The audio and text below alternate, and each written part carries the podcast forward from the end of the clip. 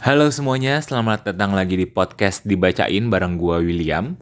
Dan kalau di episode perdana kita sudah ngebahas nih buku Jack Ma, Sisi-sisi tak terduga sang Godfather Pieces China yang kemudian disampaikan oleh Chen Wei, sahabat sekaligus asisten pribadinya Jack Ma.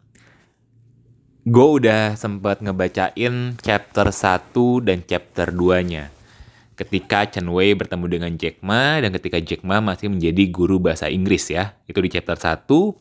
Lalu chapter 2 ketika Jack Ma mulai mengenal internet ketika dia di Amerika. Nah, sebenarnya ini masih ada chapter 3-nya. Tapi chapter 3 ini isinya lebih ke pengalaman kerja Chen Wei, jadi gue lewatin aja. Langsung masuk ke chapter 4, judulnya Alibaba Saya Datang. Jadi ini adalah saat di mana kemudian Chen, uh, Chen Wei menjadi asisten pribadinya Jack Ma.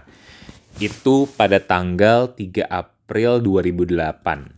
Sebelumnya, pada bulan Maret 2008, neneknya Chen Wei yang berusia 93 tahun meninggal dunia. Gitu. Nah, setelah kemudian Chen Wei perlahan pulih dari kesedihan, dia pergi ke rumah Jack Ma dan kemudian dia ditawari menjadi asisten Jack Ma. Nah, eh, di chapter Alibaba saya datang ini Chen Wei banyak bercerita tentang pengalaman-pengalaman pertamanya menjadi asisten Jack Ma, di mana dia menemani Jack Ma ke mana pun Jack Ma pergi. Ini beberapa contoh ya, bagaimana kesibukannya seorang Jack Ma di mana pada tanggal 29 April, which is berarti ya eh, 20 hari ya setelah Chen Wei menjadi asistennya Jack Ma, eh, Jack Ma sudah ke Beijing bertemu dengan sejumlah pengusaha kondang di China. 5 Mei mereka pergi ke Hong Kong. 9 Mei, sorry, 8 Mei Jack Ma sudah di Moskow untuk menghadiri konferensi Dewan Penasihat Bisnis APEC. Gitu. Dan tanggal 10 Mei-nya ketika Jack Ma masih berada di Moskow, Rusia, itu juga e, menjadi Hari Ali tanggal 10 Mei itu. Karena keberhasilan e, Cina melawan SARS tahun 2003 ya, dan kemudian Jack Ma menjadikan tanggal 10 Mei sebagai Hari Ali. Di mana aktivitasnya beragam pada hari itu namun ada dua agenda utama. Yang pertama, seluruh kar keluarga karyawan bisa mengunjungi perusahaan dan menikmati makan malam di sana. Selain mengikuti tur Ali yang dipandu oleh personil Alibaba yang penuh dedikasi. Agenda yang kedua adalah pernikahan massal dengan seluruh biaya ditanggung perusahaan. Wah, jadi keren banget nih Alibaba ya. Di hari Ali ini tanggal 10 Mei uh, seluruh keluarga karyawan bisa mengunjungi perusahaan, makan malam di sana, bahkan kalau ada yang mau menikah gratis itu pernikahannya ditanggung oleh perusahaan. Dan bahkan Jack Ma uh, menelpon perusahaan ketika lagi di uh, Rusia itu mengucapkan selamat kepada pasangan-pasangan yang menikah agar selamanya hidup bahagia. Tahu banget ya gimana caranya membuat karyawan loyal. Nah, itulah agenda yang kemudian uh, diikuti Chen Wei ya sebagai asisten Jack Ma selama bulan pertama. Banyak banget ya pergi ke mana-mana gitu. Um, lanjut kemudian ini gue lewat-lewatin ya beberapa yang terlalu detail. Ini ada yang seru lagi nih uh, cerita um, tentang taman-taman tepi danau ya, Lakeside Gardens. Bicara soal Lakeside Garden, sebanyak orang yang mungkin hanya mengenalnya sebagai area kediaman Jack Ma yang dulu. Jadi ini lokasi tempat Jack Ma tinggal. Di kemudian hari, Lakeside Gardens ini menjadi lokasi kantor Alibaba waktu Alibaba pertama kali didirikan. Tahun 2003, ketika Taobao.com, Taobao ini kalau yang nggak tahu kayak e-commerce-nya yang dibuat oleh Alibaba lah ya. Gitu Nah, ketika tahu bahwa masih dalam tahap penelitian dan pengembangan rahasia tahun 2003 itu, satu tim yang terdiri belasan anggota bersembunyi di sana, di Lakeside Garden, selama beberapa bulan untuk mengerjakan proyeknya. Apartemen tiga kamar itu lantas menjadi tempat revolusioner perusahaan. Jadi setiap kali ada proyek baru, penggodokannya akan dimulai dari Lakeside Gardens. Nah, kisah lucunya di sini nih.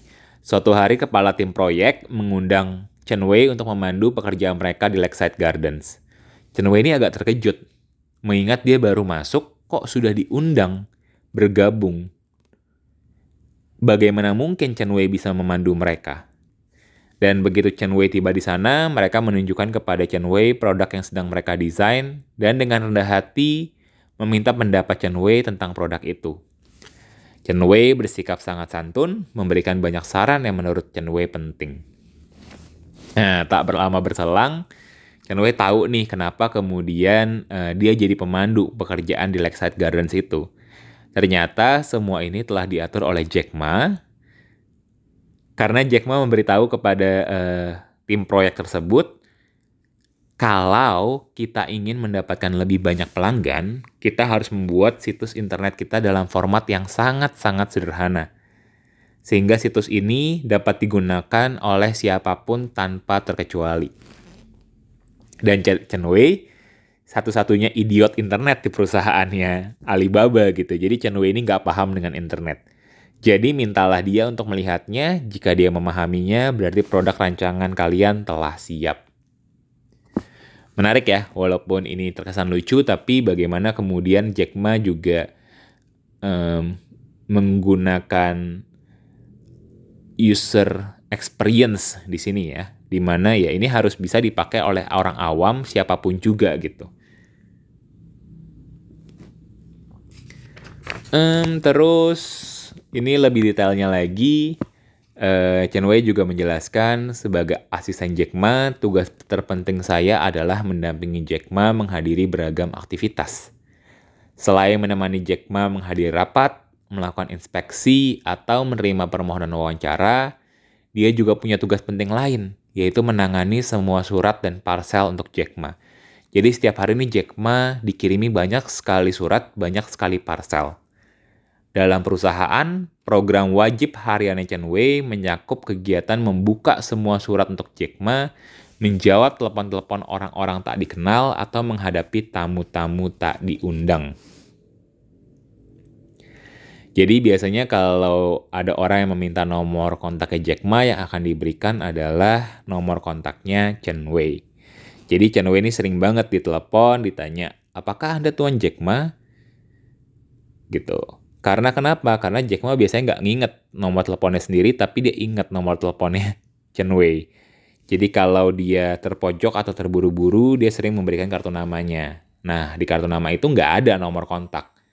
Jadi kalau ditanya, jadi nomor kontaknya berapa gitu. Jack Ma akan kasih nomor teleponnya Chen Wei. Gitu, jadi ya benar-benar sebagai asisten pribadi yang Jack Ma ya.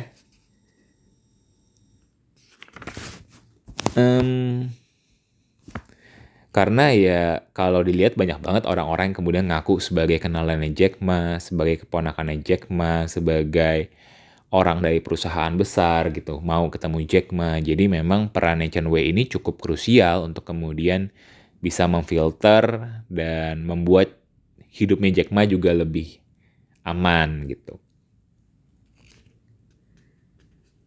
Um, terus apalagi yang menarik di chapter ini banyak banget ya. Jadi di chapter ini Chen Wei juga share pengalaman-pengalaman unik, pengalaman-pengalaman lucu ketika ia menemani Jack Ma. Pernah satu kali dia lupa dengan janji temu uh, bersama CEO dan CFO-nya situs web terkenal Rusia yaitu Yandex gitu. Jadi kayak ini udah ada schedule tapi Chen Wei-nya lupa gitu. Jadi kayak lebih nge-share pengalaman-pengalaman pribadi Chen Wei sih ketika menjadi asisten Jack Ma. Itu di Alibaba saya datang chapter 4. Jadi sangat dari sudut pandangnya Chen Wei ya, tapi ya ini bisa jadi hal menarik juga sih buat kita melihat bagaimana Jack Ma itu sangat sibuk bertemu dengan berbagai macam orang dari berbagai macam negara dan ya pastinya diplomasinya juga sangat luar biasa gitu. Dan di bab 5 kita masuk ke Alibaba orang-orang Ali yang sibuk. Itu judul chapternya. Dan di awal, Chen Wei juga menambahkan bagaimana perjalanan bisnis Jack Ma itu sangat-sangat sering melebihi ekspektasi saya, Chen Wei, waktu Chen Wei mengambil pekerjaan ini. Pernah dalam sebulan mereka pergi ke Beijing selamanya, selama empat kali. Setiap hari, pikiran pertama yang terlintas dalam benak Chen Wei saat terbangun adalah mencari tahu di mana mereka berada. Karena saking seringnya, uh, Chen Wei dan Jack Ma harus berpergian keluar ya, baik keluar kota ataupun keluar negeri. Dan di bab ini Chen Wei kembali menjelaskan kegiatan kegiatan-kegiatan dilakukan tahun 2008 ketika pertama kali dia um, menjadi asisten Jack Ma di Alibaba, lalu kemudian tahun-tahun selanjutnya. Nah, di sini juga Chen Wei um, ngasih sedikit bocoran nih bahwa Jack Ma tidak pernah menyiapkan pidato-pidato tertulis sebelumnya. Tetapi dia biasa menulis garis besar pembicaraannya 10 menit sebelum presentasi di secari kertas. Jadi biasanya eh, Jack Ma hanya menulis poin-poin penting saja dari apa yang mau dibicarakan 10 menit sebelum presentasi. Dan atau kalau dia ngerasa butuh bantuan, dia biasanya nanya ke Chen Wei untuk uh, mencari data-data yang ia butuhkan gitu. Um, banyak banget pengusaha-pengusaha atau orang-orang hebat itu iri ya dengan bagaimana Jack Ma bisa berpidato karena pernyataan-pernyataan yang cerdas dan mengundang kekaguman. Ini kayaknya menjadi keunggulan Jack Ma juga ya, bagaimana ia bisa menyampaikan apa yang ingin disampaikan secara lugas, secara baik dan secara cerdas gitu. Um, what else dari buku ini cukup banyak yang gue lewati. Balik lagi, Jack Ma nih ya sejak dulu ya kalau uh, teman-teman juga dengar dari episode perdana bagaimana Jack Ma kemudian bisa membangun bonding, membangun hubungan yang akrab ya antara dia sebagai guru dan murid-muridnya. Di sini pun Jack Ma juga bisa membangun hubungan yang akrab antara dia sebagai owner ya bisa dibilang dengan para karyawannya. Jadi Jack Ma biasanya kalau tahun baru dia memberi pidato tahun baru kepada karyawan dari seluruh cabang. Semua karyawan gembira bisa bertemu Jack Ma secara langsung dan berbaris untuk mengambil foto bersamanya secara bergiliran. Jadi banyak banget yang justru happy banget nih karyawan-karyawannya kalau bisa ketemu Jack Ma. Nah ini juga dijelasin tahun 2009 ngapain aja, gue skip aja ya karena sangat teknis. Menarik salah satunya ketika Jack Ma bertemu dengan George Soros. Dan Jack Ma juga sangat suka ya dengan pemikirannya Soros. Karena punya pandangan yang sama tentang situasi ekonomi dunia. Um, ini lewatin 2010 dan sesudahnya juga kemudian uh, Chen Wei menceritakan ya pengalaman-pengalaman ya sebagai asistennya Jack Ma. Oke, okay, itu sih sebenarnya yang dibahas di chapter kelima dari 12 chapter yang ada dalam buku Jack Ma. Oke, okay, chapter selanjutnya isinya apa nih?